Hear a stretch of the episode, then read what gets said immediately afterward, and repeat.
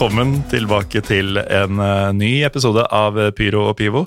Grunnen til at jeg, Morten Galaasen, lo litt, var fordi dagens gjest, uh, doktor Eirik Bischoff Riis Anfinsen, bestemte seg for å knekke mikrofonarmen i en ny stilling akkurat da jeg hadde trykka record. Som gjorde at for oss så starta dagens episode med et eller noe sånt. Vi har jo andre lyder å by på, Eirik. Det har vi. Det er også en fin, eh, en fin, knekk. Den er bedre. Ja, den er vesentlig bedre. Uh, litt sånn uh, ny måte å introdusere gjesten på i dag, men velkommen skal du være. Jo, takk for det. Uh, vi kan jo fortelle lytterne at det er jo en spesiell grunn til at akkurat du og jeg sitter her i dag. Fordi, altså du som hører på, gjett hva vi har gjort, da! Jeg har vært i utlandet, og det, det, er jo gammelt nytt for deg, eh, Eirik, men eh, for meg så var dette mm, altså forrige helgs eh, utflukt til Berlin, mitt kjære Berlin. Mm.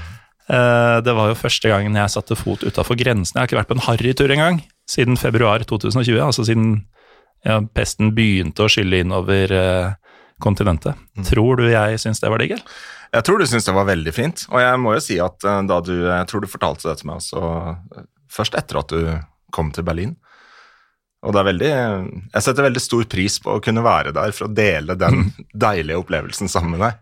Ja, det, det, det starta jo med tenning. Altså, jeg sendte jo melding fra jeg hadde landa på den nye forferdelige flyplassen, som jo ikke fantes um, forrige gang jeg var i, var i landet, eller i byen. Um, så jeg hadde jo knapt landa før jeg spurte når og hvor blir det øl. Ja. Og, um, da vet man at det lover godt, da. Ja, det ble, det ble øl til frokost, for å si det sånn. Gjorde det. Um, men i hvert fall uh, Forhistorien her da, er jo at uh, det var ikke bare Eller det var en slags impulstur til Berlin for min del.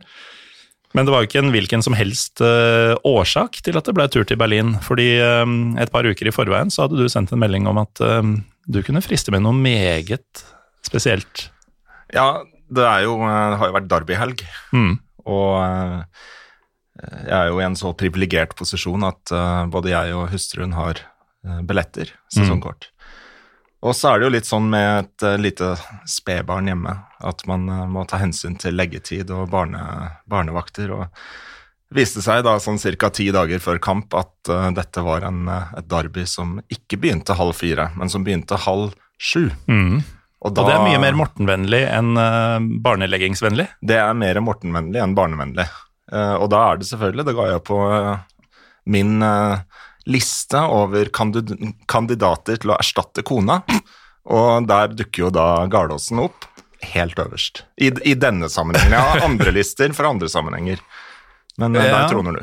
Ja, Nei, men det, det, var jo en ære å erstatte kona di. Du gjorde en veldig god jobb, da.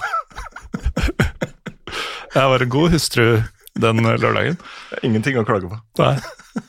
Men i hvert fall eh, du eh, i, starten av november en gang, da. Mm. Eh, det vil si drøye to uker før kampen, så sa du at dette er en mulighet du har nå, Morten. Jeg hadde jo egentlig begynt å sysle med tanker om å dra til Bodø for å se Lillestrøm bli spilt snøball i hatt med på Aspmyra. Men hadde heldigvis ikke bestilt noe, så jeg heiv meg jo ganske kjapt rundt og kunne en halvannen uke før kamp fortelle at nå har jeg flybilletter, og så finner jeg ut åssen jeg bor og hvorvidt jeg får fri fra jobb og sånn. Det får, får vi ta seinere. Uh, men dette blei noe av. Og um, jeg hadde jo selvfølgelig grisenoia også for hvorvidt koronapasset mitt var, eller koronasertifikatet mitt var tilstrekkelig. Ja, for du er en av de, som, en, en av de utvalgte som har vært utsatt for denne sykdommen? Ja, jeg, jeg, gikk på en uh, liten dose covid i, i kjølvannet av påsken i år. Ja. Um, og følgelig så er jo jeg, ifølge Norge, uh, fullvaksinert med én dose fordi det er gjennomgått pluss én. Og jeg har jo prøvd å få en dose til, bare for å være fullvaksinert ifølge alle. Mm. men det har ikke latt seg gjøre, da. Så selv om alt både du og jeg leste i forkant, Um, og den der Corona Warn-appen til tyskerne, som jeg også lasta ned og installerte mitt uh, sertifikat i. Alt tyda jo på at uh, you're good. Mm. Var jeg veldig rolig i forkant? Du var litt stressa, mm. kan si det. Uh, du, du, du, er en høy mann, og, og, og, du hadde ekstra høye skuldre mm. fram til vi fikk dette blå armbåndet på hendene Ikke på hendene, men på hånda, hånda vår. Ja, rundt, rundt håndleddet. Rundt hå Ikke hånda. Håndleddet. Takk. Det er viktig å være presis her i Pyro Pivo. Ja, Apropos presis, jeg har jo helt glemt å introdusere deg for um, eventuelle nye lyttere. For du har vært med en gang før, uh, sammen med Nils Henrik Smith for ganske nøyaktig to år siden. Ja. I en episode som rett og slett handla om Union som klubb. Stemmer.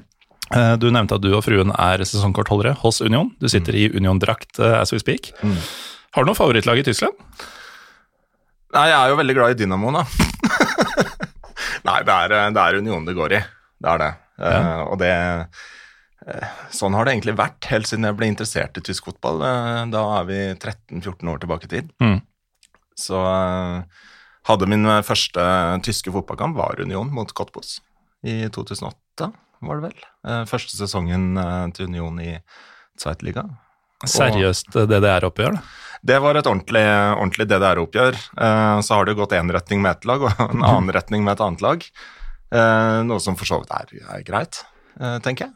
Det må jo være helt absurd å ha opplevd eh, Det var vel ikke ordentlig utbygd stadion heller i 2008, hvis vi sier at det var 2008. Ja. Men, men, å se det laget surre rundt i, på det nivået, sikkert sånn midt på tabellen, eh, litt sånn pubspillere på banen og, og litt råtne fasiliteter De har jo loka, loka rundt i Zweitliga veldig lenge å se hva som skulle skje drøye ti år seinere, og som fortsatt skjer i dag. altså de, de er jo bare Det virker som pila peker him, til himmelen. Og det, det, skal jo ikke være sånn, og det kan jo ikke fortsette sånn, og det kan jo ikke gå, sier man etter hvert år. Og så ja, blir det bare bedre. Ja, det, jeg tror vi bare må fortsette å si det, for da blir det bare enda bedre. Altså Nå ligger Union og soler seg på femteplass i Bundesliga. Ja, er de er i Europacupen, selv om det ja, det er jo Spieltag i kveld, hvor det vel blir den endelige kroken på døra for avansement, antagelig. Ja. Uh, men man har i hvert fall spilt Europa denne høsten, da. For uh, andre gang vel i klubbens historie. Noe sånt noe. I hvert fall i nyere tid. Ja, vi var i Europaligaen, uh, eller i tilsvarende Uefa-cupen. UEFA ja, spil, spilte ikke i eh, Finland den mm. gang også. Det var vel tilbake i 2000 og det var etter å ha vært tapende cupfinalist eller noe sånt? Ja, mot Schalke. Mm. Tapte 2-1. Ja, tidlig 2000-tall. Ja, stemmer. Ja, så det er jo altså det er jo helt spinnvilt. Min første Union-kamp var hjemme mot Duisburg. En eh, iskald uh, februarkveld i 2012. Skikkelig hatoppgjør. Ja. ja, det var ikke mye trøkk i bortesvingen der, altså. Eh, da leda Duisburg lenge 1-0. Eh, ingen virka å bry seg, for Union lå på åttendeplass, liksom. Det var ingen vei noe sted på tabellen i Sveite Bundesliga. Fikk en sein utligning på slutten, eh, og det var på en måte mitt første møte med det. og det var ikke noe kjærlighet ved første blikk. Det var liksom bare enda en kamp i, og et stadion sjekka av. Så for meg så skjedde det litt seinere, men vi skal ikke ta den, den runden nå. Det er bare at jeg også jeg hadde et møte med Union, eh, et første møte med Union som altså, Det virker å være i en annen dimensjon mm. kontra hva de driver med nå. Ja, altså det er, det er en helt annen eh, det er noe helt annet. De har klart å ivareta på en måte en del av hva klubben er mm. i denne reisen, og det er, det, er, eh, det gjør det jo litt, litt morsommere, egentlig. Mm. Man har klart å faktisk komme seg til topps uten å Går veldig på akkord med egne verdier og egen identitet og sånn. Nemlig. I motsetning til uh, en annen klubb som uh, vi skulle se på denne turen, da. Det, du mener den uh, storbyklubben? Ja. den gamle dama. Gamle ja. Røya fra vest. Um, Hertha Berlin, som, um, som, ikke har hatt noen sånn eventyrlig reise de siste åra. De er på en måte, de er der de er og alltid har vært og alltid kommer til å være, til tross for at de nå kjører sånn ordentlig sånn start en drøm-forsøk på bare ut utviske sin egen identitet for uh, kjapp suksess. Og det funker ikke for dem heller, gitt. Det, det, gjør ikke det, og jeg må si, altså Kan du nesten hoppe rett på det. altså sånn den, En av de tingene jeg sitter igjen med etter den kampen her, er fantastisk. Union vant. Men herre min, så dårlig Herta var. Ja, og så trist den klubben framstår. Ja, det, det Men vi, vi kommer ja, dit. Ja. Eh, det var deg og Union, eh, Eirik, men eh, jeg kalte deg doktor innledningsvis, og det gjør jeg ganske konsekvent når jeg omtaler deg. Men du kunne ikke nødvendigvis redda livet mitt hvis jeg hadde satt øl i halsen nå? Nei. Som man jo kan drukne av. Ja. Um, jeg tenker For det første så hadde jeg ikke gjort for jeg har tenkt at det for deg så hadde det vært en veldig fin måte å ryke med på. Ja. Drukne i øl. Under Pyro og Pivo-innspilling. Ja, det kunne ikke vært Drukne Jeg hadde sannsynligvis bare stått der og applaudert. Uh, nei, jeg er jo ikke en medisinsk doktor. Uh, det er jeg ikke. Uh, jeg er en doktor i antropologi. Mm. Um, Og det er noe Det er noe det virker som Union Berlin som klubb er mye mer opptatt av enn hva du er. ja, altså det er Jeg har ett kort i min lommebok hvor det står doktor på, og det er sesongkortet mitt. Uh, ingen andre steder er doktortittelen min, eh, min synlig. Det er ikke en tittel som jeg egentlig flagger veldig mye av. Det er med litt sånn lett ubehag. Jeg blir omtalt som doktor Eirik.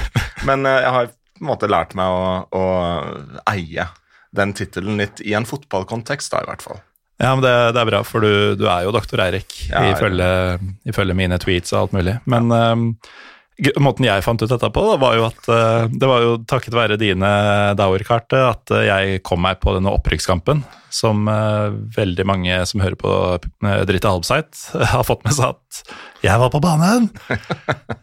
Det var jo fordi jeg fikk bruke din billett, eh, og det var vel da jeg fikk den, eller da jeg hadde sett på den, uh, printa den ut og tatt med meg, at det, det sto doktor Eirik på den. Og da fikk du vel en melding med store bokstaver sånn 'Doktor?' ja. ja, du skjønte jo ikke så mye av akkurat det der, altså.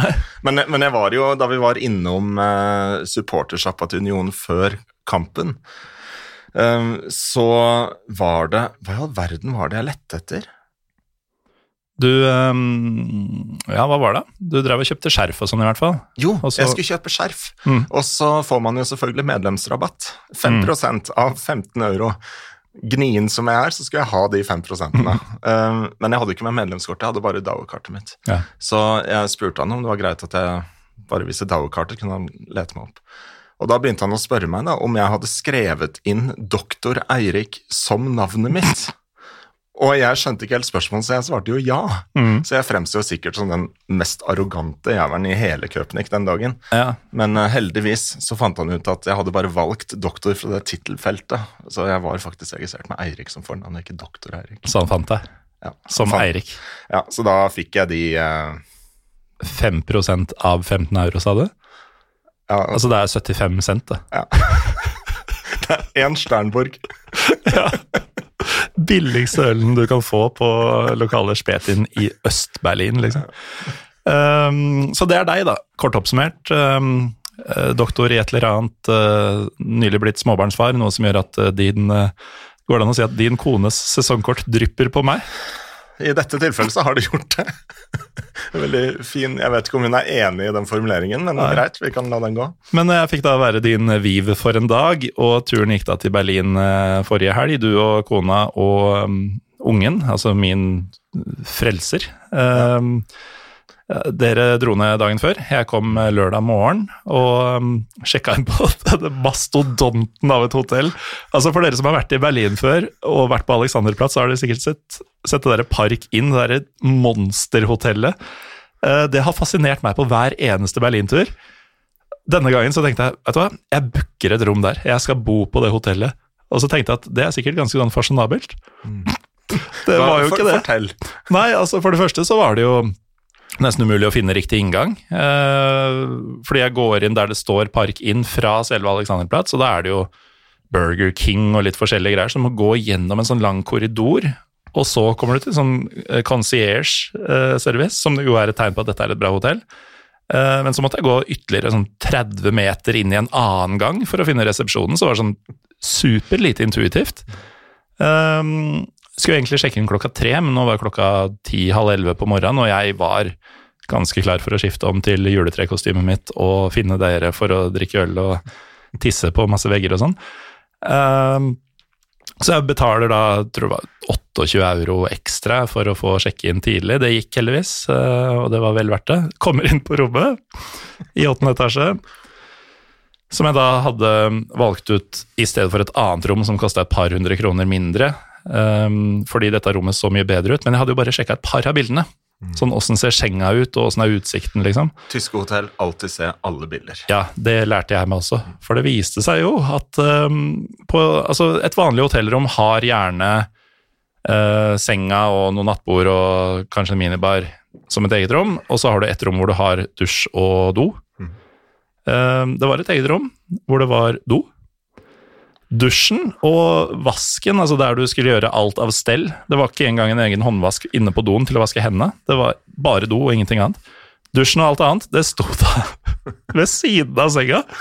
Og det var et plastforheng du kunne dra foran. Og det var samme type gulv i hele rommet.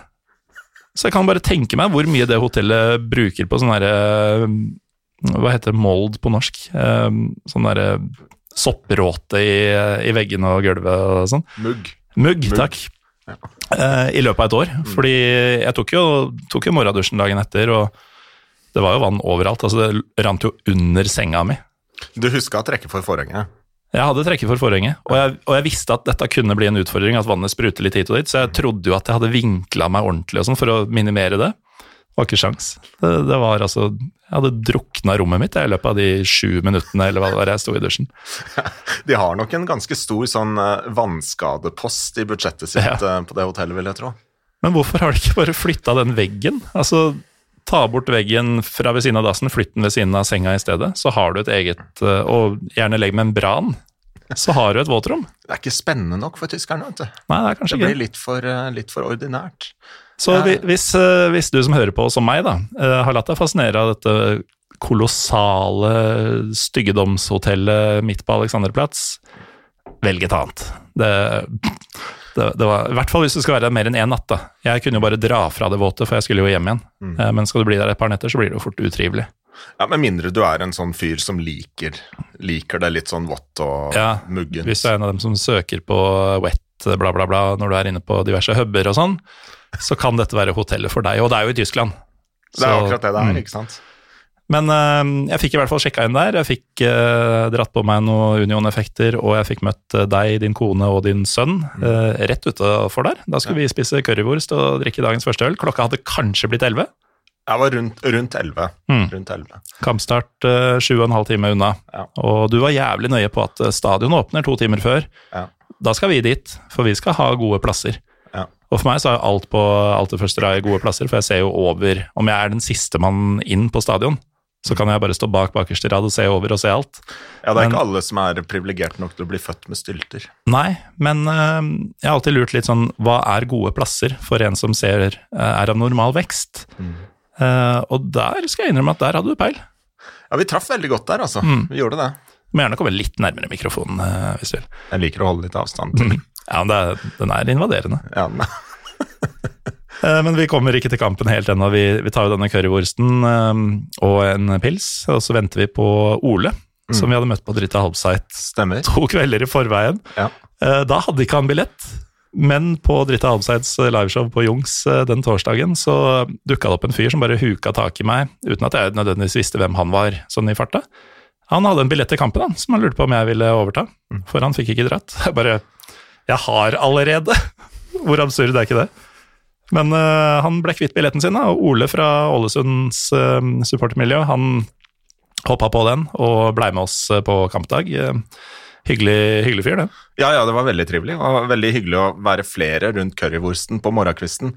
Det er noe med sånn Det føles godt, men litt feil å sitte alene og spise currywurst og drikke øl klokka Mm. elleve. Det er litt bedre med to, men enda bedre er når man er tre. Ja. Og så var det veldig hyggelig selskap i tillegg, da. Ikke sant?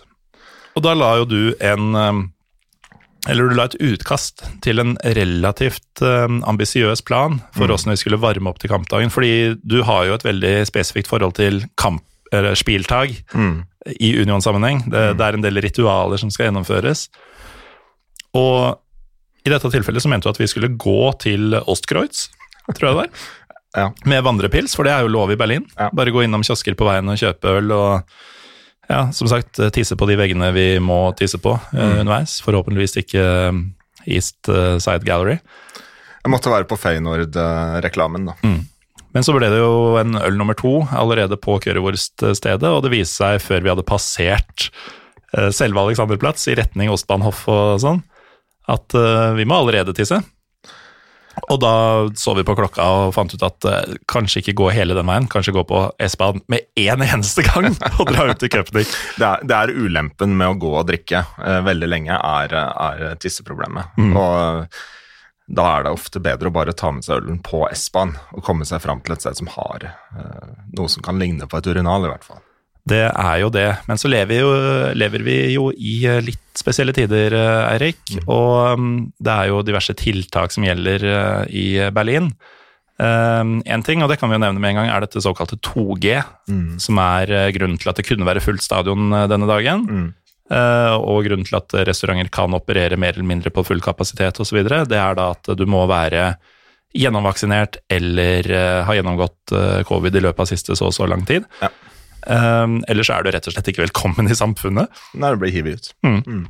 Um, og det var jo også en av grunnene til at jeg var litt nervøs. Altså det var kampen først og fremst. Uh, jeg kunne alltids levd på utendørs uh, currywurst og døner uh, i en helg.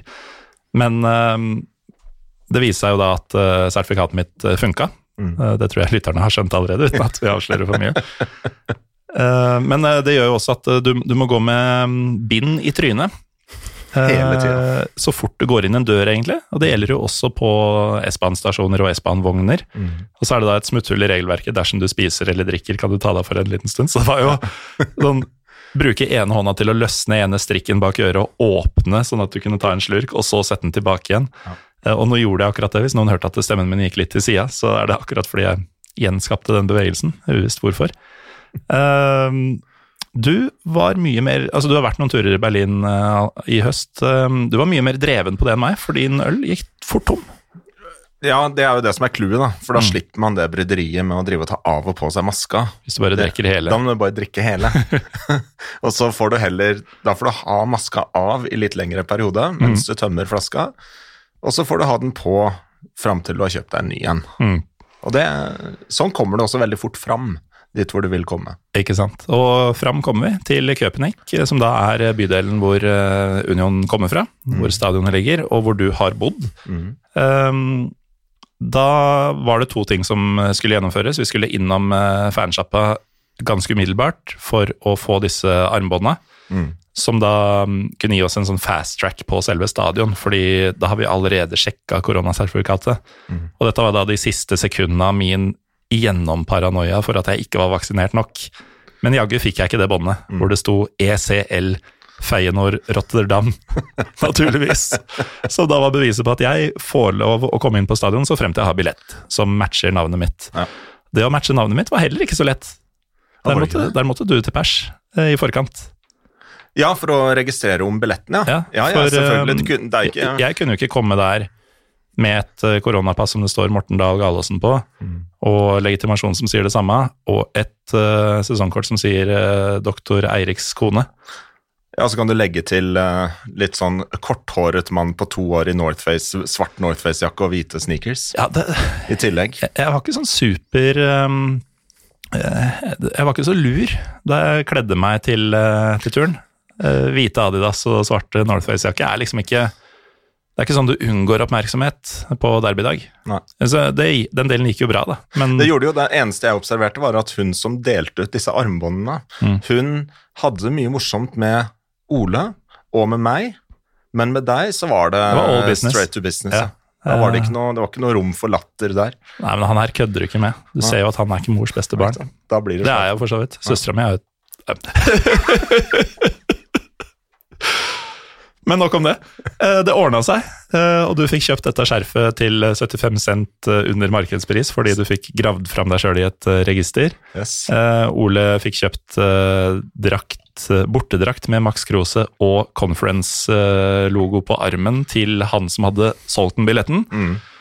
Jeg fikk kjøpt meg en hettegenser som skulle komme veldig godt med. Mm. Og så var det da slik at du skulle endelig vise oss ditt Köpenick på kampdag. Fortell. Ja, nei, Det ble jo en, det ble en aldeles fortreffelig formiddag. Uh, og tidlig ettermiddag for den saks skyld. Da gikk vi Rusla fra supportsjappa, gikk selvfølgelig inn på nærme, nærmeste dønersjappa og investerte i et par flasker. Mm.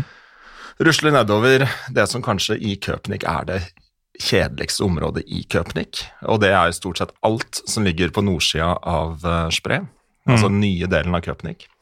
Ja, og Köpenick er en, en, av de større bydelene. Eller Treptow Köpenick heter jo bydelen. Ja, det er ganske svært. Eh, Treptow Köpenick er digert. Mm. Uh, Köpenick, altså det som man regner som byen Köpenick, da vi skal kalle det det, det, mm. det er ganske Ja, ja, det bor vel en 40 000 mennesker der, så det er jo, det er jo ikke ubetydelig størrelse. Men uh, Nybyen er liksom fra S-banen og nedover, går nedover langs trikkelinjene. Og det er klart, dette behovet for å urinere meldte seg jo ganske raskt igjen. Det skulle være en gjenganger, egentlig. Det, det er noe som gikk igjen hele denne, denne dagen. Uh, men vi fant jo en fint lite kratt mm. bak et nedlagt et eller annet. Ja. Uh, som, som, lå helt sånn perfekt plassert mellom gamlebyen og, og Espan stasjon. Og derfra så gikk jo turen i retning av det som er de profilerer seg som verdens minste bryggeri. Ja, men før det så kom jo faktisk det der tissebuskas-greiene. Det var helt utrolig bra timing. Fordi hvis vi virkelig hadde måttet, eh, og den ikke var der, og fortsatte å gå, så var det jo en armada av eh, snutebiler. Det var en flåte. Ja, og de, de syns jo det er helt greit at du går og drikker på gata.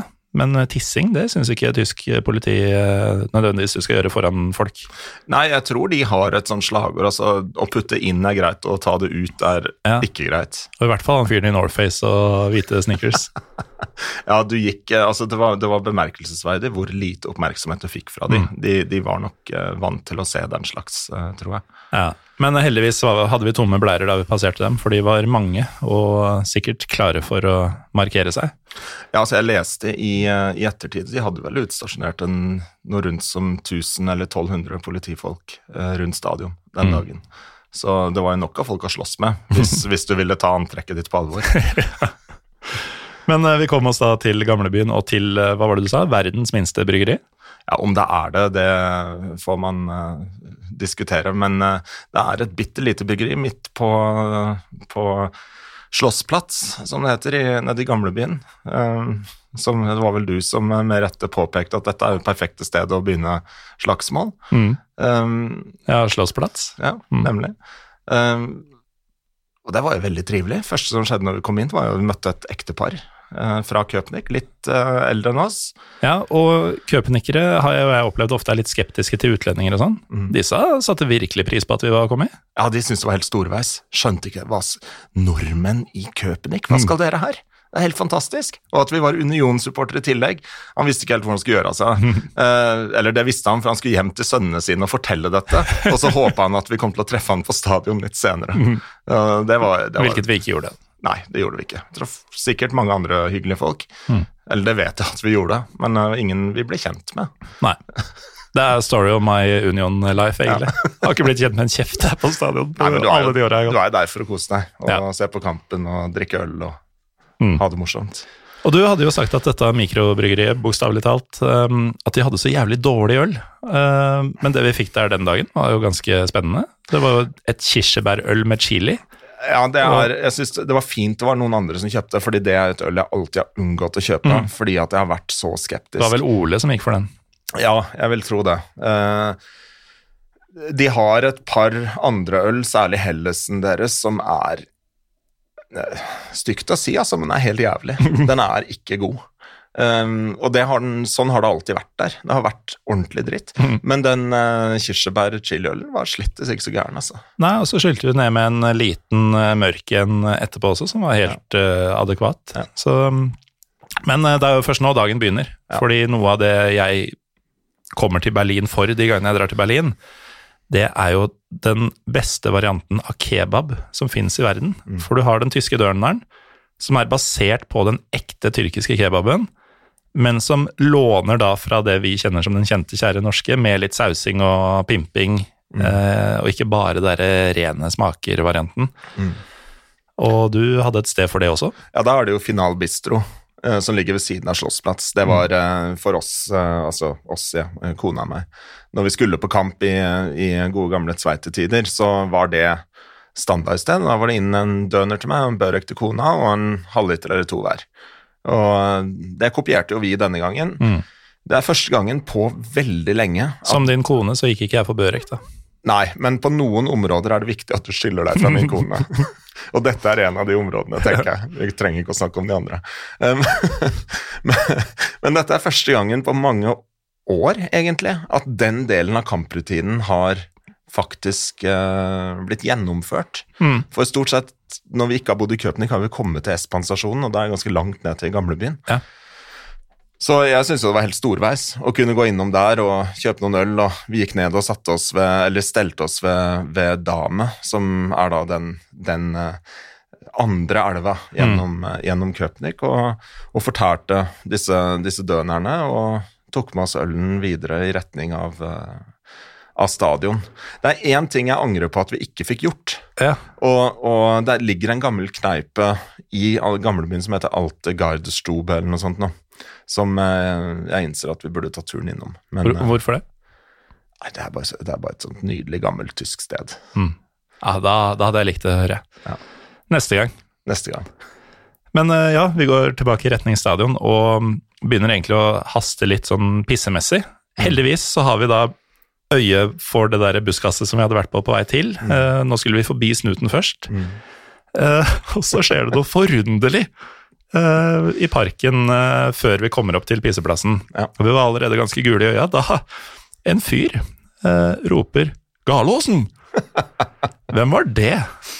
Nei, Det var jo veldig interessant. Jeg vet jo fremdeles ikke hva han heter til fornavn. Nei, for... men han, han presenterte han kom... seg med etternavn. Han presenterte seg med etternavn. Du snudde deg først, vi snudde oss etter, gikk opp og hilste på han, og han introduserte seg bare som Ryasson.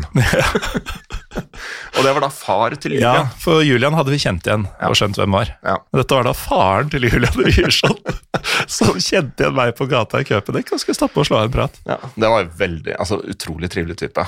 Ja, han var, um, han var veldig, veldig hyggelig. Ja. Og um, nei, det, det, var kjempegøy. Han hadde hørt på podkasten og sånn. Ja, han, var, han ga jo deg veldig mye kred og ære for uh, det arbeidet som du gjør. Ja, jeg koste meg veldig i den samtalen her. Hadde det ikke vært for at Blære var i ferd med å sprenge, da hadde jeg kanskje til og med spurt om fornavnet hans, og kanskje noe kontaktinfo, så vi kunne møtes etter kampen. Ja, for det skal sies at den samtalen ble avbrutt av deg fordi du holdt på å pisse på deg. Ja, det var vel omtrent det jeg sa også. Ja, Nå må jeg inn i busken, sa du. Ja. Som egentlig det er du som skal si til kona, men i dag så var det kona som ja. sa det. Ja.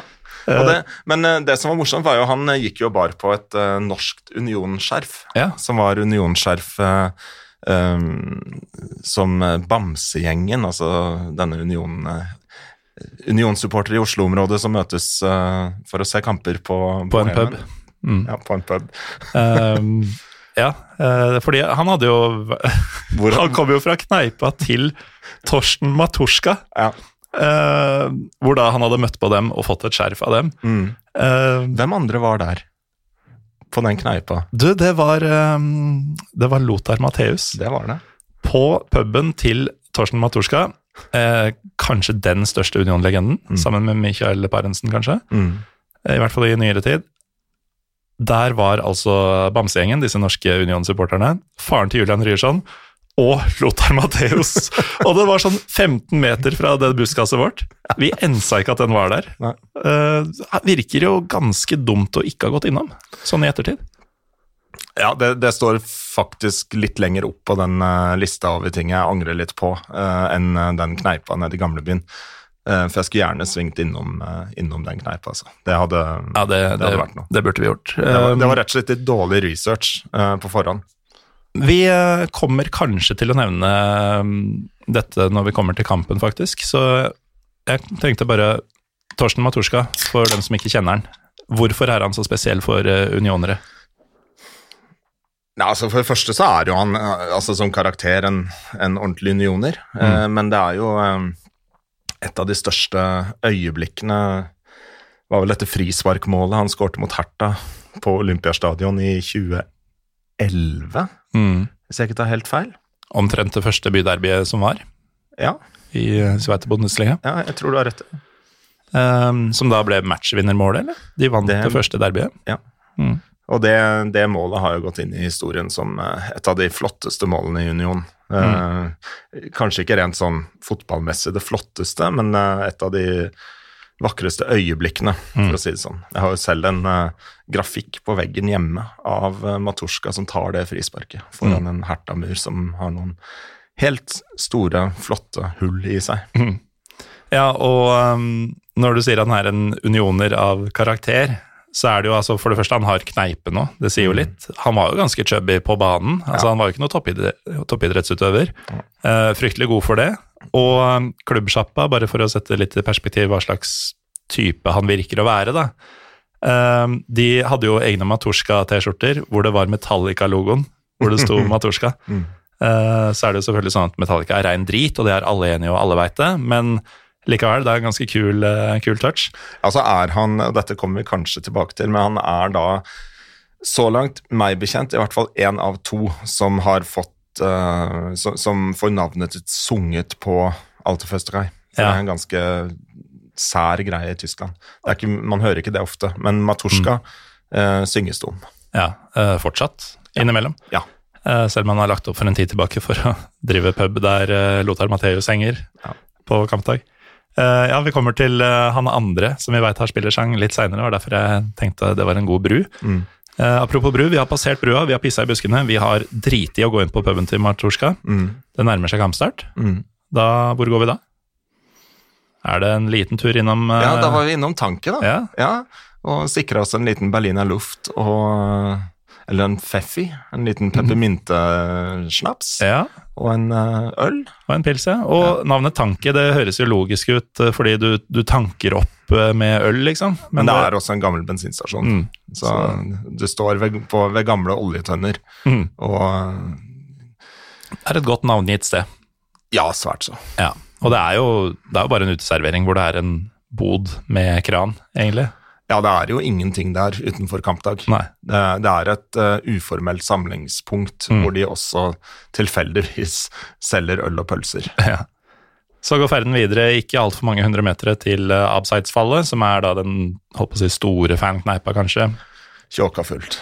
Nærmest stadion. Ja, vi gadd ikke å se inn engang, men heldigvis har de sånn liten bod utafor de også, mm. uh, så vi kunne ta oss en pils. Det er akkurat som om de har en sånn strategi på de stedene at øl skal være lett tilgjengelig.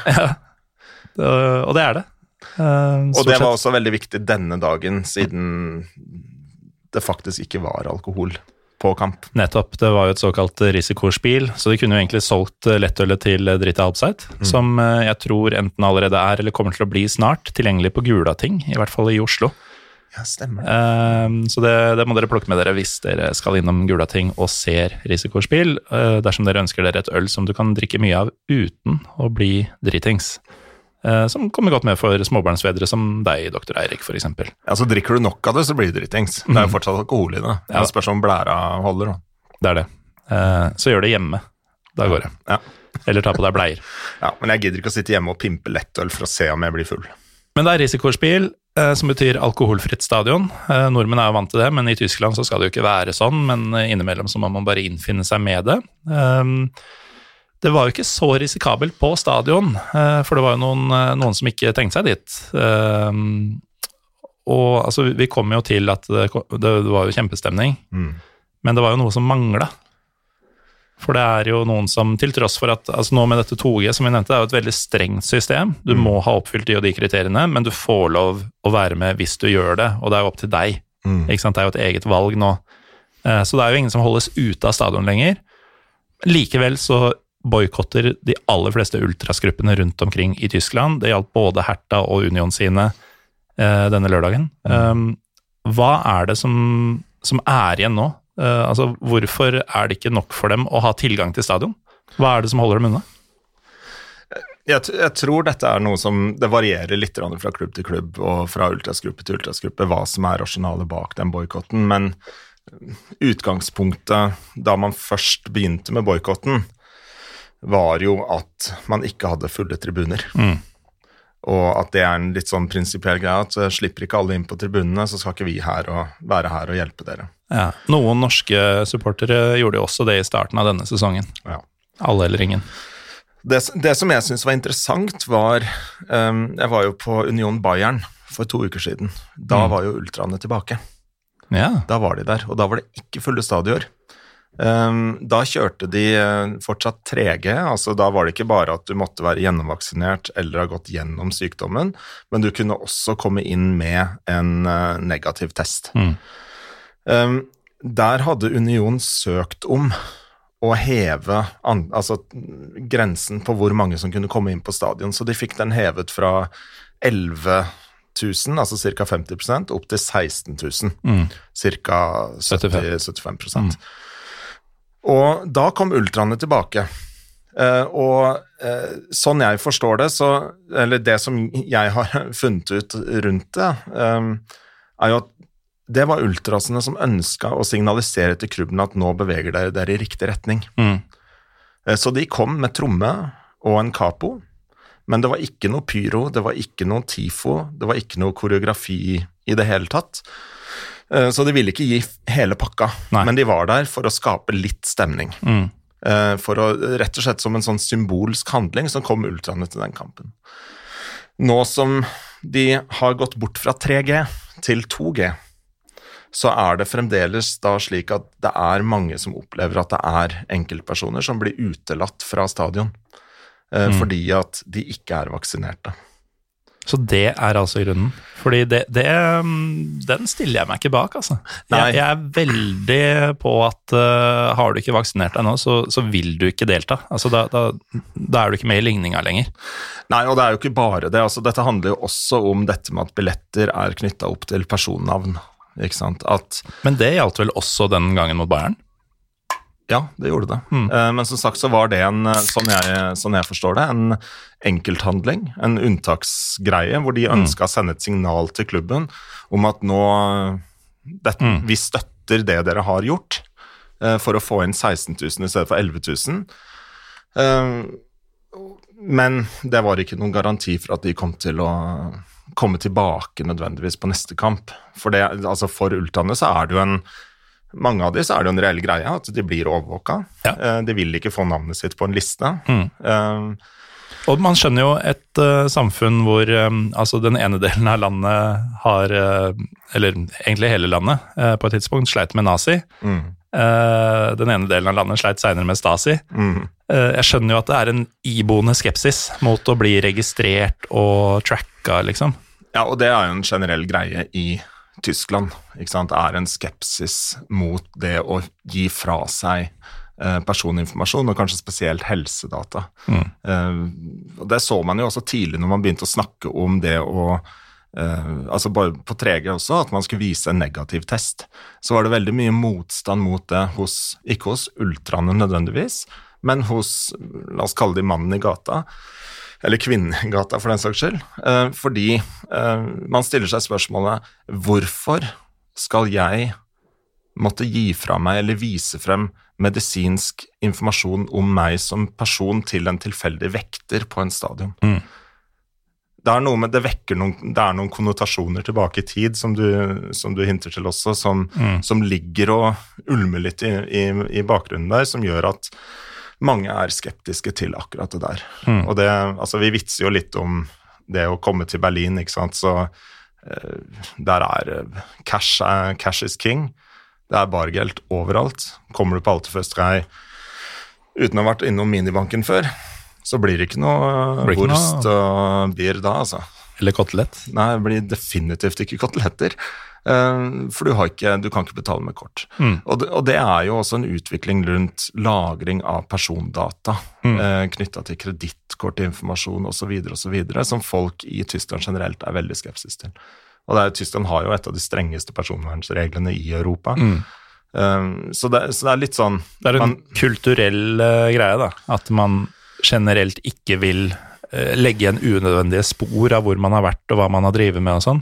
Ja, altså, jeg, jeg, jeg husker da, da, da jeg bodde i, i Berlin, nå er det noen år siden, men da eh, forsikringsselskapet som jeg var en del av, altså TK, de, eh, det, var, det var så frustrerende, for jeg kunne logge inn på min side på nettet og sende dem spørsmål og henvendelser. Svar kommer da i posten Mm. i papirform, for det skulle ikke lagres digitalt hva de har svart meg, i tilfelle det inneholder sensitiv informasjon. Og det, det blir en sånn skjevhet i kommunikasjonen som var ekstremt frustrerende når det var ting som hasta.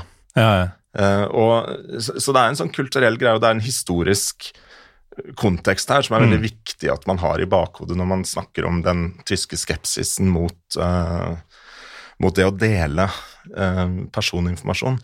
I tillegg til at sant, for så er det en høyst reell greie Mm. at navn havner på lister. Ja. Eh, og at du er bekymra for hva det kan bety for fremtidig tilstedeværelse på stadionet. ja, og andre sammenhenger også, helt Ja, sikkert. Ikke Um, sant? Så det, det, den delen er jo veldig forståelig, og så har de tatt denne alle eller ingen-greia veldig bokstavelig ved at uh, nei, så lenge uh, ikke Kari Jakkesson er velkommen, liksom, så skal ikke vi heller. Uh, det er jo litt sånn. Ja, ja og synes, akkurat det syns jeg er litt sånn Dirk Zingler, presidenten i Union, har jo også snakka om dette litt, i litt sånn med litt rare termer, da. Mm. Syns jeg også. Det er snakk om at vi er Noen klønete uttalelser? Ja, altså vi er en familie, og alle må være velkomne osv. Men jeg tenker sånn, hvis jeg hadde hatt et familiemedlem som absolutt ikke ville vaksinere, så er ikke jeg sikker på om jeg ville hatt den personen ved middagsbordet hver dag. Nei. Det... Altså satt helt på spissen, da. Apropos, trodde jeg klødde på, på skulderen eh, på vanlig måte, men det viste at jeg har en fersk eh, influensavaksine der, ja. så det, det, var faktisk eh, noe bomull som, som var i veien der. Det hadde jeg glemt. Men i hvert fall, det er da årsaken til at Ultras fra både Union og Herta droppa denne matchen. Og du var litt bekymra på forhånd for om det kanskje ikke blei utsolgt. Mm. Det blei det. Ja, og jeg må helt ærlig innrømme at jeg syns det er litt rart. Jeg tror jeg sliter fremdeles litt med, med det. Mm. Eller jeg sliter ikke med det, men jeg, jeg Det er en ganske Det er jo en viss prosentandel av tyske befolkningen som ikke er vaksinerte. Mm. Uh, og det er ingen grunn til å tro at Köpnik sin, uh, nei, Union sin sesongkortholderbase skiller seg veldig fra den øvrige statistikken. Og jeg har også problemer med å tro at alle de som er sesongkortholdere, har gått gjennom bryderiet med å selv omregistrere mm. billetten. Så det at man sier at det var fullsatt jeg er ikke helt sikker på om jeg tror på det, men det var veldig, det sånn. nært, det var veldig nært å være fullsatt. Ja. Det er Offisielt var det i hvert fall det. Ja. Og det føltes sånn eh, spesielt etter hvert som eh, kampen skulle bli sånn 89 minutter gammel, for da var, da var folk virkelig tett på overalt. Uh, vi kommer inn på stadion, kjøper alkofri, litt sånn på muskelminnet, egentlig. Uh, og vi må jo ha noe å skylle ned denne nydelige flintsteika eller koteletten, eller hva det er for noe Kot med. Koteletten, ja. ja som vel Altså, det er så gøy. Du kommer på et stadion, og så er det sånn Du kan spise Du kan selvfølgelig kjøpe en pretzel, men utenom det så er det worst. Eller så er det da kotelett i brød. Ja, Der er det også et punkt som du skiller deg fra kona mi på, mm. for hun spiser ikke kjøtt. Nei. Derav børekken på kebabsjappa. Bør, børeken på, på kebabsjappa og, og pretzel på stadion. Mm. Det er ikke noe dårlige valg, noen av dem, men uh, kjøtt er jo bedre. Det er akkurat, Jeg er helt enig. Jeg sier det til deg hver dag. Men uh, vi kommer inn og er jo ganske gira begge to. Det er et par timer til kampstart. Uh, Herta så jævlig bra ut på tribunen i tida før, under oppvarming og sånn. Men dette med å finne gode plasser, det er jo altså For dem som ikke veit det, da, så er det jo tre av fire tribuner hos Union inne i skogen er ståplasser. Og en god plass på et Vi står på langsida. Det er da gudene veit 7000 ståplasser eller noe sånt på den langsida. Uh, hva er en god ståplass, Eirik? Jeg mener at en god ståplass er en plass hvor du har relativt god utsikt over banen. Mm. Du har lett tilgang til uh, enten gangen foran uh, den blokka eller trappa. Mm. Um, og det skal helst ikke være uh, altfor alt trangt uh, akkurat der. Det er, det er sånn, fin, hvis du finner den plassen hvor disse for, Altså hvor stjernene bare Hva heter det på norsk? Ja, altså When, Stars, the Stars Align. Ja. ja. Nei, folk skjønner ja, ja. Uh, hvis du finner en slik plass, da er du heldig. Og jeg mm. opplever at uh, vi fant en sånn plass ja. uh, ned, sånn halvveis ned den ene trappa på langsida, ganske nære ultraene, så du får Det er jo også en faktor. Mm. Vil gjerne være nære valgsite på, på, mm. Men ikke for nærme, for du skal jo ha du skal gjerne ha et fullt bilde av banen. Du skal ikke være for nærme det ene målet og for langt unna det andre. Nemlig. nemlig. Men vi, vi, traff ganske bra, altså. Dette kunne du. Ja, Så var det veldig fint å ha en to meter eh, pluss høy mann eh, ved siden av seg, fordi det var aldri noen som sto bak deg. Mm. Det var, eh, det var som da oppfylte et kriterium at det ikke skulle være for tett? Nemlig. Det var, det var, i hvert fall ei som prøvde å stå bak deg i begynnelsen. Det var veldig morsomt, for hun mm. gjorde jo litt nummer ut av Drev og flytta Nå prøvde jeg å flytte ja. litt på hodet mitt foran mikken, her, men det mm. funker jo ikke. Nei, men uh, jeg merka jo bak meg at det var noen som Det kretsa liksom noe fram og tilbake på, bak huet mitt. Sånn, hun prøvde å finne ut hvilken skulder det var best å se over, eller noe sånt. Hvor hun, hun bare liksom nærmest unnskyldte sånn Kan jeg komme forbi? For hun måtte gå et par rader lenger ned og stå litt tettere, fordi det her går jo faen ikke an. Ja. Uh, og det var vel omtrent det hun sa også. Uh, impossible. Impossible. Så ja, vi, vi har jo jævlig ræva selskapsblærer begge to. Ja. Eh, og hadde jo drikket tett med øl gjennom hele dagen. Eh, det blei med den ene Klausdaleren på stadion, fordi Ja. det er jo ikke noe godt. Nei. Eh, Men det var jo uansett deilig å vite at hvis jeg vil ha noe, eller hvis jeg må på dass, så er det bare å skritte bort og vekk og ikke presse meg gjennom en folkemengde. Så all ære til deg for å vite at eh, man må komme tidlig fordi man skal stå sånn og sånn og sånn. Den skal jeg ta med meg til en seinere gang hvor jeg ikke Altså Vanligvis så er det veldig ålreit å komme tidlig, fordi da står du fint, og du får hele tida tak i øl. Mm. Eh, problemet her var jo at det ikke var ølsalg. Så konsekvensen av at du må komme tidlig, er jo at man, den bølgen som man, som man rir på når man kommer inn på stadion, den, den begynner å roe seg når kampen begynner, da. mm. Men eh, det får man bare leve med. Jeg vil heller ha en god plass på stadion enn å være all, ja. ja, ja, ja, du klarte ikke å fullføre den. Nei. Nei, for den er det ingen som hadde kjøpt, eh, Eirik. Nei, det er det. Vi, eh, før vi kommer til kampstart, så må vi ta noen ord om eh, presseoffiser Christian Arbeit. Altså for en rockestjerne av en spiker. Jeg tror jeg sa det Jeg tror jeg sa det da vi hadde Altså for et par år siden, da vi kjørte den Union-podkasten. Mm. At jeg tror de aller fleste på tribunen tribuna blir litt sånn varme i buksa når Christian Arbeid kommer ut på, ut på gressmata der og eier hele stadion. Han eier stadion, altså. Og så, Han kommer jo ut under oppvarminga mens det skjer masse greier. er jo Nesten så de ikke gidder å skru av musikken engang.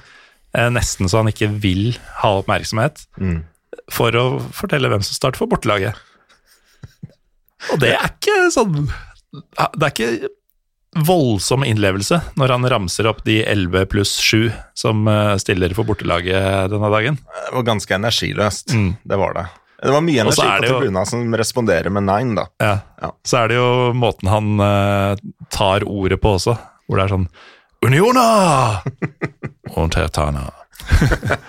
og så er det sånn jævlig kjapp oppramsing hvor du nesten ikke får med deg navnet på bortelaget, og så forsvinner den. Mm. Og så blir det jo mørkere og mørkere, og spillerne går i garderoben for å skifte og gjøre seg klar til kamp og sånn. Da kommer han ut igjen og Mm. er aleine på matta. Mm. Da skal Union leses opp. Mm. Da koser han seg. Da er han i sitt ess. Da er han i sitt ess. Eh, da vandrer han jo rundt med sånn trådløs mikrofon, og han spiller jo, han spiller jo i band. Han er jo bokstavelig talt, om ikke en rockestjerne, så Han er en rocker, i hvert fall. det er han. Ja. Og når han går rundt og leser opp lagoppstillinga der, da er han også rockestjerne. Ja. Uh, han vandra vel sikkert 150-200 meter bare for å lese opp de 17 navnene. 18 Ja, ja. navna.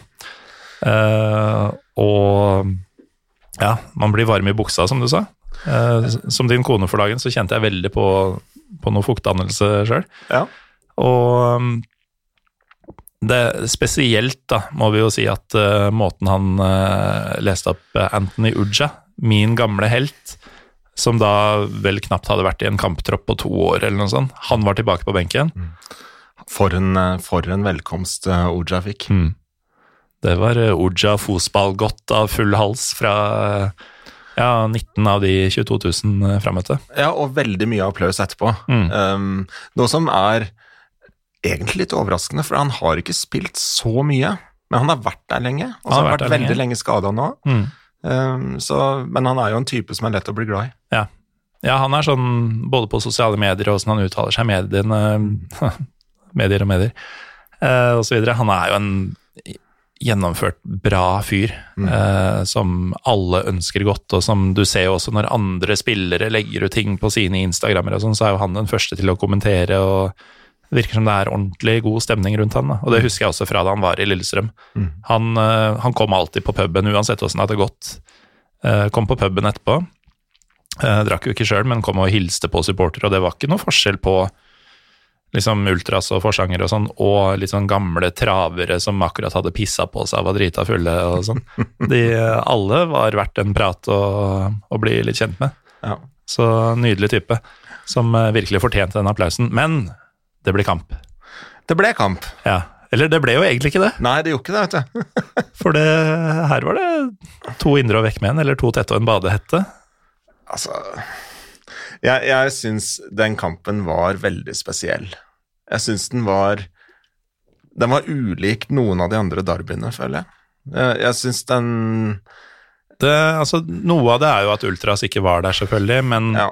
men det var jo også det eneste, altså utenom den første som tok helt av for eh, drøye to år siden, så var det jo første gangen de møttes med noen som helst tilskuere. mm, Og man skulle jo tro at det i seg sjøl gjorde det intenst nok, mm, men det var liksom det at, um, det at de aller hardeste mangla, at det var litt sånn halvhjerta organisering, at det ikke var noe TIFO og den type ting, eh, det gjør jo noe, men det var også noe ute på matta som liksom ikke helt klikka. Ja, altså rammene rundt, Uh, selvfølgelig. Helt enig. Uh, det var veldig annerledes. Det var langt ifra det tempera, altså te den temperaturen og den intensiteten som det var i 2019. Som for øvrig faktisk var bare en uke eller to før vi hadde den Union-podkasten, husker jeg. Um, det, det var en, da, da var det en kamp på tribuna i tillegg til en kamp på matta. Denne runden her var det på tribuna mye mer avmålt. Eh, litt sånn kaotisk på tribuna, syns jeg, med Ja. synging. Og det har jo med at når du ikke har det lokomotivet som alle er enige om at skal bestemme, Mm. så er det opp til flere som tenker at nå kan vi starte noe, eh, nå må vi ta ansvar.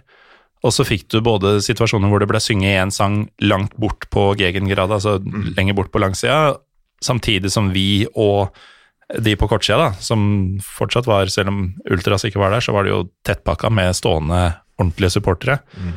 Eh, at man rett og slett sang forskjellige sanger. Mm. Uh, uten tromme så var det sånn at flere sanger ble sunget i forskjellig takt, sånn at man noen ganger hørte at noen lå foran eller noen lå bak. Det eller er så, begge deler. og det er så frustrerende. Men uh, til tross for det så var det jo noen ordentlige lydtopper, og folk var ikke vonde å be når det først, når det først var en sang som folk skjønte hvor du var i sangen og hvilken sang du skulle synge. Ja, det var ikke unna at man, det, det ringte i ørene ved enkelte anledninger. Det- altså stemninga eh, Selv om det var mindre organisert, koordinert og synkronisert, så, så var det Det var trøkk. veldig organisk også. Ja, det, det kom organisk på en helt annen måte. Mm. Uh, og så var det jo det med at uh, Jeg nevnte jo så vidt at Herta-feltet så bra ut før kamp. Ja, det var som lufta fullt, og, og det var mye da- hopping, og de, de så ut til at de hadde kommet for å, for å spille. Det. Ja. Det dreit de i ganske tidlig i kampen. Altså, det, det kom en tidlig 1-0-skåring Det foran dem. Ja. Eh, men jeg vil jo egentlig nesten si at lufta gikk ut før det også. Eh, Jeg, I mine øyne så gikk lufta ut av dem i det øyeblikket dommeren starta kampen. Mm. Da var det liksom, det var akkurat som at de hadde innsett at Det her går jo ikke an. faen, det her funker ikke. Nei. Eh, og det gjorde det jo heller ikke. Etter åtte-ni minutter så skårer eh, én spiller eh, 1-0-målet. og vi nevnte at Torsten Maturska var en av to som vi veit om har spillersang. For det er noe man rett og slett ikke får i Union. Mm. Han som scora, han fikk det. Taivo Awoni. Ja. ja. Taivo Awoni. Um, vi har jo vel en teori begge to om at den ikke hadde kommet om det hadde vært eh, ultras på stadion. Jeg er 100 overbevist om at hadde Ultras vært på stadion, så hadde ikke den kommet. Mm. Eh, De hadde nok slått ned på det. Ja. Matusjka Maturska skal ha den. Awoni så god, altså, Enn så god som han er, så har ikke han en status i klubben til å få en egen sang. Nei. Eh, han har jo vært hos oss i ett og et halvt år. Mm. Eh, På lån forrige sesong. Lån forrige sesong, signert i sommer. For en, signat, for en signering Ja. det har vært. Og det var ikke unisont eh, blant oss da den ble offentliggjort i sommer. Jeg stilte store spørsmålstegn ved den pengebruken der, men jeg har jo skjønt at er det er det en eller to personer, kanskje i dette tilfellet én person man aldri kan stille spørsmålstegn ved, så er det Oliver Runert. Ja, Altså sports, han er sportsdirektør, er han det?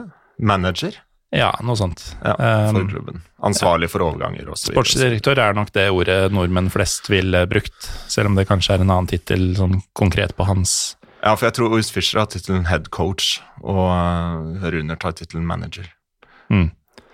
Og um, ja, han, han har virkelig treffet på den. Avony har hatt en fantastisk sesong. Eh, Var ganske god i fjor på lån, men det var jo sånn sjette utlånet hans til forskjellige klubber på åtte år eller noe sånt. Um, og han, han var jo ikke noe sånn superstrålende, ganske god. Sånn terningkast fire, liksom. Det å finne et hjem, det har tydeligvis gjort godt for han. Der, eh, de pengene kommer Union til å få igjen eh, ja, i, så, det, så det monner.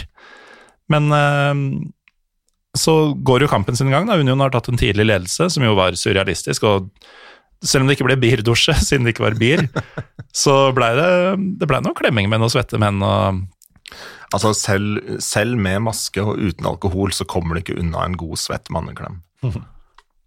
Nei, og maske måtte du for så vidt bare ha når du bevegde deg rundt, hvis du sto på plassen din. Bortsett fra hvis du het Morten Galaasen, tydeligvis. ja, kjemperart. Altså, du skulle alltid ha den på når du bevegde deg inne på stadionområdet, men så fort du sto på plassen din, så kunne den komme av. Og det var Altså, de vaktene som drev og skulle organisere at folk ikke sto i trappene og sånn, de hadde jo en ganske dårlig dag på jobben. Det, det, det, var helt tydelig at det var ikke alle som var vant til at det var fulle tribuner, Nei. for å si det sånn. Nei, her var det min for en mye, organisering det var rundt oss. mye nytt å, å sysle med for dems del, men eh, merkelig nok så er det da en av disse vaktene i en ganske rolig del av kampen også. Det er ikke, som, det er ikke masse aktivitet og mye sånn dytting og sånn på tribunen eller noe som helst. Det skjer egentlig ingenting. Vi står der og ser på kampen. Og så er det da en av vaktene som sånn peker ut meg fra et par meters avstand og bare en uh, Maske! Maske! Og jeg bare peker på meg sånn Jeg står jo her, liksom, gjør litt håndbevegelser sånn Hvorfor meg? Du, det, det slår meg nå at jeg har Og så går den bare videre. Jeg har, en, sånn, jeg har en teori. Ja. Han har sett deg høy, uten hår, Northface-jakke, hettegenser, mm. hvite sneakers. Hvor er balaklavaen? Ikke sant. Ja. Kanskje var det han mente. Ja, jeg tror det. Ja. Jeg er jo en, eh, jeg er jo en bad boy. Ja. uh, halvtimes tid går. Uh, Herta har ganske lite å stille opp med. Så kommer kanskje den rareste cornervarianten jeg noensinne har sett. Altså, det, det, kan det ha vært med vilje, det som skjedde der? Nekter jeg å tro. Uh, vi lurte jo litt på hvorfor i all verden, når du har uh, Trimmels høyrefot og Kroses venstrefot Max Krose spilte. Vi har fått sett Max Krose spille for Union. Det i seg selv var verdt reisen. For jeg, var, jeg begynte oppriktig å bli bekymra for at jeg skulle gå gjennom et, et, liv hvor Max Krose faktisk har spilt for Union i to sesonger, to sesonger potensielt mer, uten å noen gang se han live. Mm. Det fikk vi se, men tross disse to gulføttene så var det da venstreblekk Nico Gieselmann som skulle slå utoverskrudd fra venstre en halvtimes tid, før, eller halvtimes tid ut i kampen. Det så ikke ut til å være en spesielt god avgjørelse da corneren seilte over halve banen. Gikk jo til helvete. Mm. Men i helvete finner du Kristoffer Trimmel. Det er akkurat det det gjør. Og hva skjer da? Nei, Han smeller jo til, da. Ja. Og den sniker seg ned i borteste hjørne. Ja, og dette er fra hjørnet av 16 og utafor det. altså Det er en ja, ja, det utrolig scoring. Fra 18-19 meter. Ja. Um, sniker hadde, seg inn, bokstavelig talt. Han hadde egentlig jævlig flaks at han ikke traff en av Union-spillerne som strakk seg frem for å ta den, særlig mm. Grisha Prøven, for han tror jeg fort kunne stått i en offside-posisjon. Ja, og jeg husker jeg sjekka telefonen i pausen. Mm. Jeg er med på sånn herre uh, tysk fotball-chat, gruppechat med flere av mange som har vært med på Pyro Pivo tidligere. Mm. Uh, og da sto det Bladde jeg gjennom fra ting de hadde kommentert underveis. Da det var sånn Den der tas nok, tas nok av VAR. Så det, det, kan godt hende at du har rett, men ingen var borti den. Og ingen påvirka spillet i særlig grad, tydeligvis, så VAR kan dra til helvete uansett. Uh, hvilket det for så vidt måtte gjøre uh, på overtid av uh, første omgang, for da scora Herta, mm. trodde de. Og trodde vi. Ja, det trodde vi òg. Og trodde alle. Og hadde det ikke vært for det møkka drittopplegget som Dommer-Europa driver med for tida, så hadde det stått 2-1. Mm. Men etter at vi står der i tre-fire minutter uten å ane hva som foregår, for det er ikke snakk om å vise situasjoner på skjermen eller noe sånt, så får vi vite at nei, den ballen skal, eh, skal Union ha eh, sånn omtrent ved midtstreken, altså litt inn på egen halvdel. Og bare, Det viste seg at det hadde vært offside tidlig i angrepet. Det var helt absurd, fordi vi sto der og vi trodde liksom Hva, hva kan det her være? Altså, Lute, unionskeeper, gikk jo over ende. Ja. Så jeg, jeg, trodde helt oppriktig at ok, de ser på det om det kan ha vært et, eh, et dytt fra en Herta-angreper eller et eller annet sånt noe. Men nei da, de brukte jo så lang tid. Mm. Så det måtte jo være et eller annet hvor de så på noen bitte, bitte, bitte små detaljer. Og jeg har sett TV-bildene Nå kommer jeg hjem fra Berlin i natt, men jeg fikk sett TV-bildene i dag tidlig, bare for å se den offside-situasjonen. Det er ikke Det er mye ikke å gå på der. obvious der, altså. Nei, den, eh, den er drøy. Der var eh, Den, den skulle, Mm. den skulle aldri blitt avlyst. Uh, avblåst. Nei. Og av prinsipp så mener jeg at så lenge dommeren dømmer mål, så er det mål, men uh, det er mange andre episoder vi kan ta det i. Uh, Ebberud til pause med 2-0. Man føler seg allerede merkelig komfortabel. Og andreomgangen blir jo egentlig uh, nesten et antiklimaks. Ja, andre omgangen, det, var, det er noe av det rareste jeg har vært med på. På, på Alterfestkei, det må jeg helt ærlig innrømme. Jeg husker etter sånn rundt 50-55 minutter at jeg, jeg sa til deg at jeg, jeg, føler en sånn underlig ro. Det er så rart, for jeg føler meg aldri rolig. Du har den farligste ledelsen i fotball. På hjemmebane i det første derbyet som betyr noe på to år. Ja. Og så har du det egentlig bare chill. Du bare står der og ser hva som For det, det var en sånn Etter å ha sett første omgang, og etter å ha sett de første ti minuttene av andre omgang, så ser man at når Hertha har ballen ja, Det skjer jo ikke noe da. Mm. De, altså, de hadde jo masse possession, Ja, ja. det er ikke noe tvil om det. Men de, Men de fikk jo ikke til noen ting. Nei, og Det er jo ikke en plan der. Nei, for det er det. Altså, jeg veit ikke om de var spesielt dårlige i den kampen, eller om de bare er et jævlig sånn tilfeldig sammenraska gjeng med spillere i stedet for et fotballag. For det virka, som du sier, ikke å være en plan. De virka ikke å kjenne hverandre. Det, det var ingen på midtbanen som skjønte åssen han eh, Piatek eh, beveger seg, f.eks., selv om han har jo vært der i hva blir det nå, halvannet år eller noe sånt. Det er så mye som har endra seg rundt han også, med trenere og eiere og hele Altså, det er rett og sånn. slett en ordentlig sånn usjarmerende klubb akkurat nå. Men, altså, det, det virker helt identitetsløst, både som klubb og på banen. Ja, så hvis man, hvis man leser det som han godeste Freddy Bobic også eh, sier Sportsdirektør eller noe sånt. ja, i, i Herta, så ville ikke jeg vært Hvis jeg hadde vært Herta-supporter, så hadde jeg ikke forventa noe fyrverkeri med det første. Det, her skal tarmene skylles før man spiser biff igjen, for å si det sånn. Som det gamle Som, som det det gamle ordtaket sier. Vi sier mye rart i dag, altså.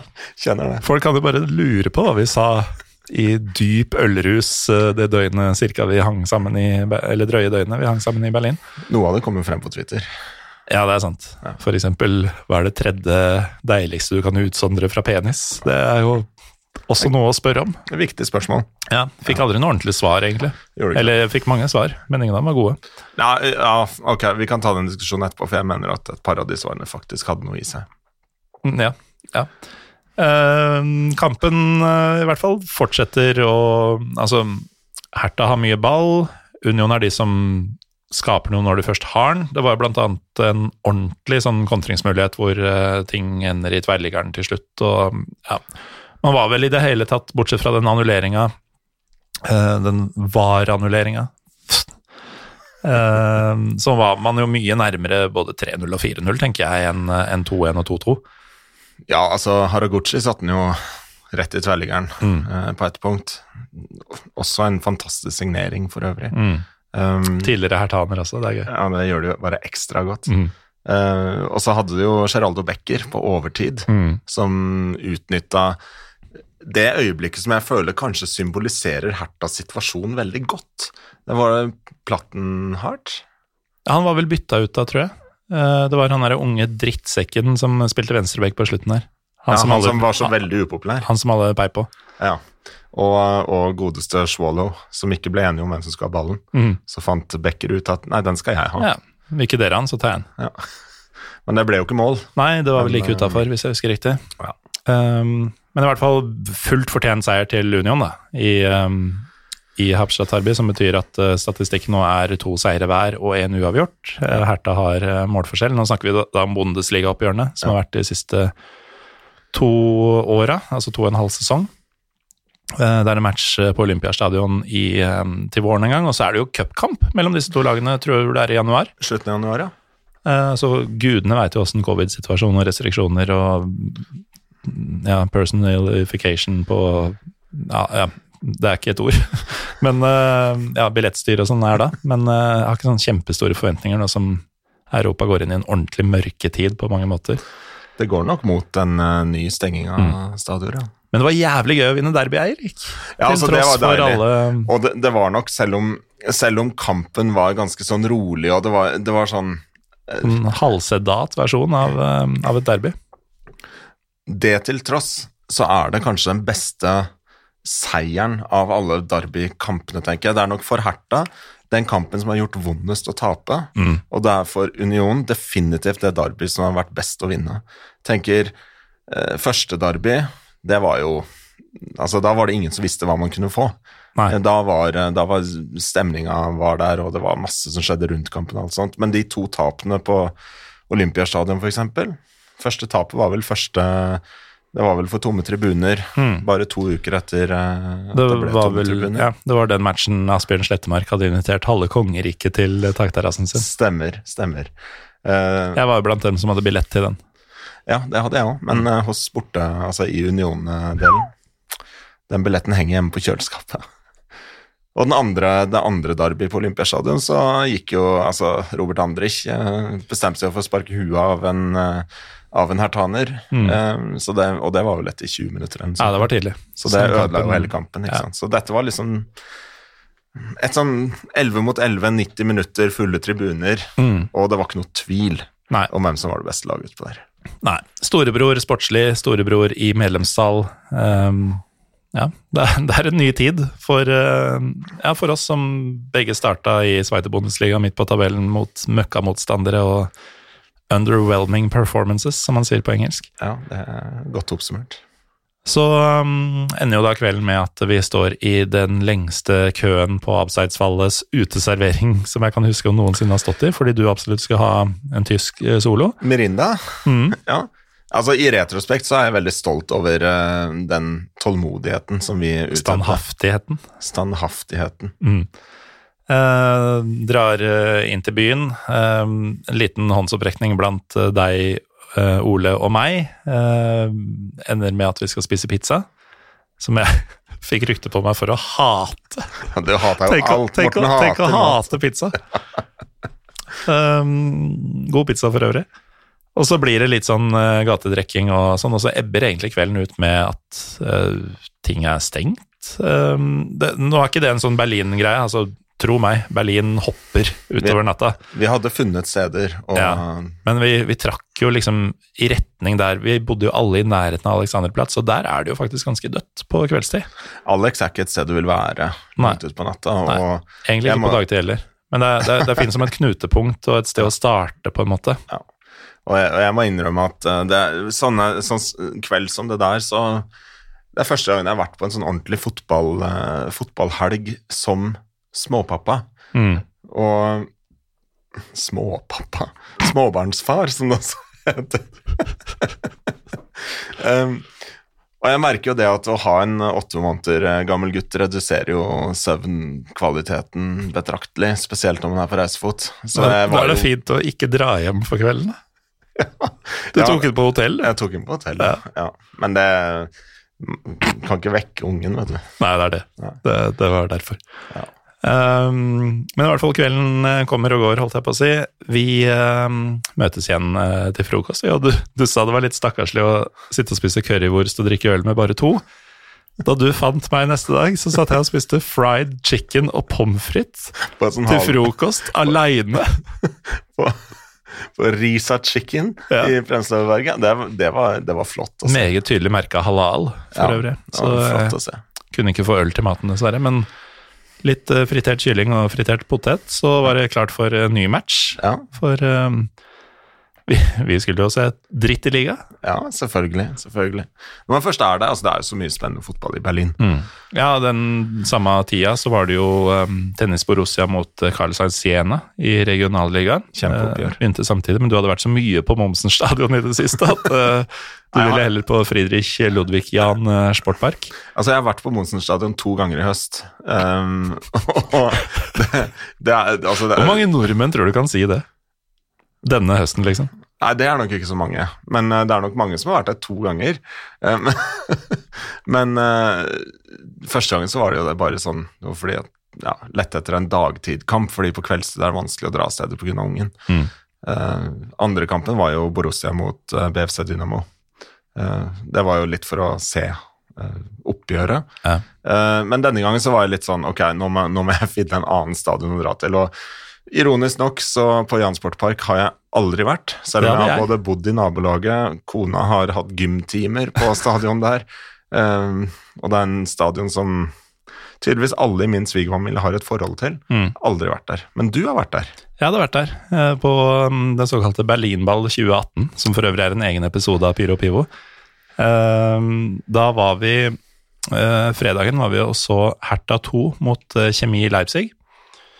Lørdagen var vi og så mm, Da var vi på denne stadion og så eh, Dynamo Berlin mot Babelsberg, som jo er en er. Clash of Cultures. Ja.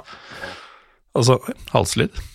Akkurat som om Lars Råstad var her for et par uker siden.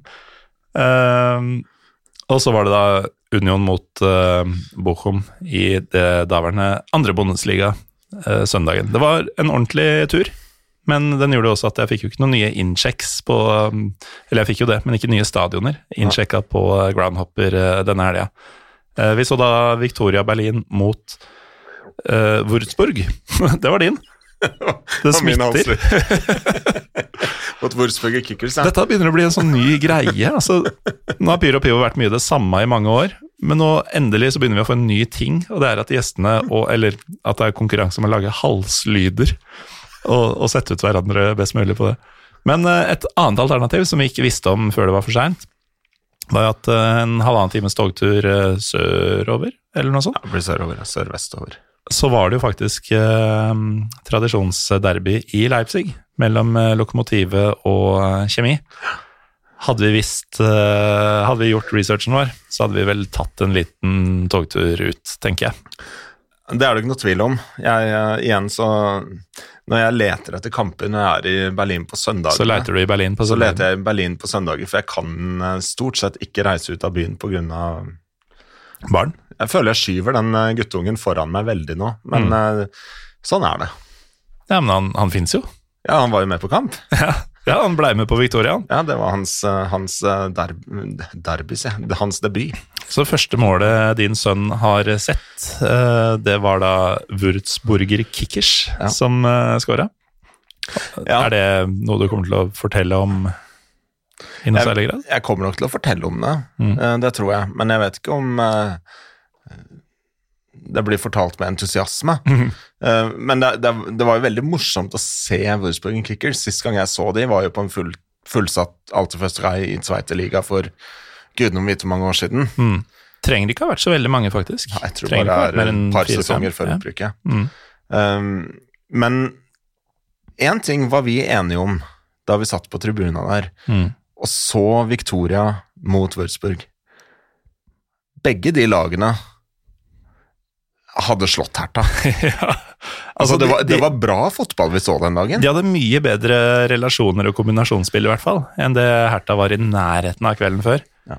Eh, Så kan det hende at eh, Hertha har andre styrker som ville valsa over et tredjeligalag. Eh, Men det er, ikke, det er langt fra sikkert, nei.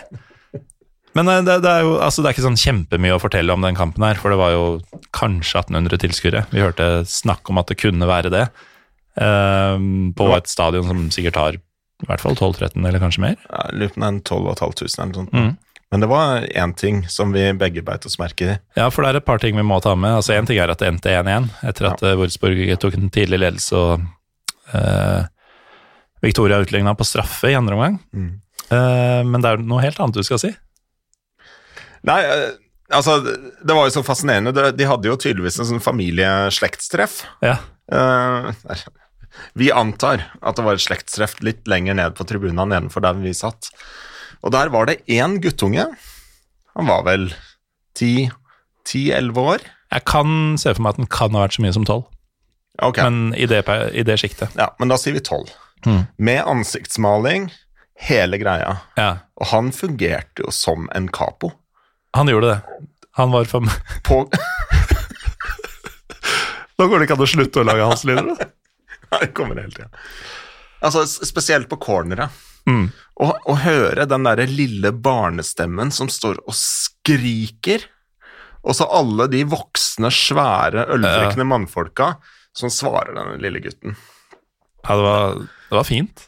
Ja, og, Og når du sier øldrikkende, så var det jo ordentlig øl denne gangen. Ja, ja, dette For dette var ikke noe risikospill. Nå rapa akkurat Eirik vekk fra mikrofonen. Jeg tror det kom opp på opptaket for det. Ja, ja, samme.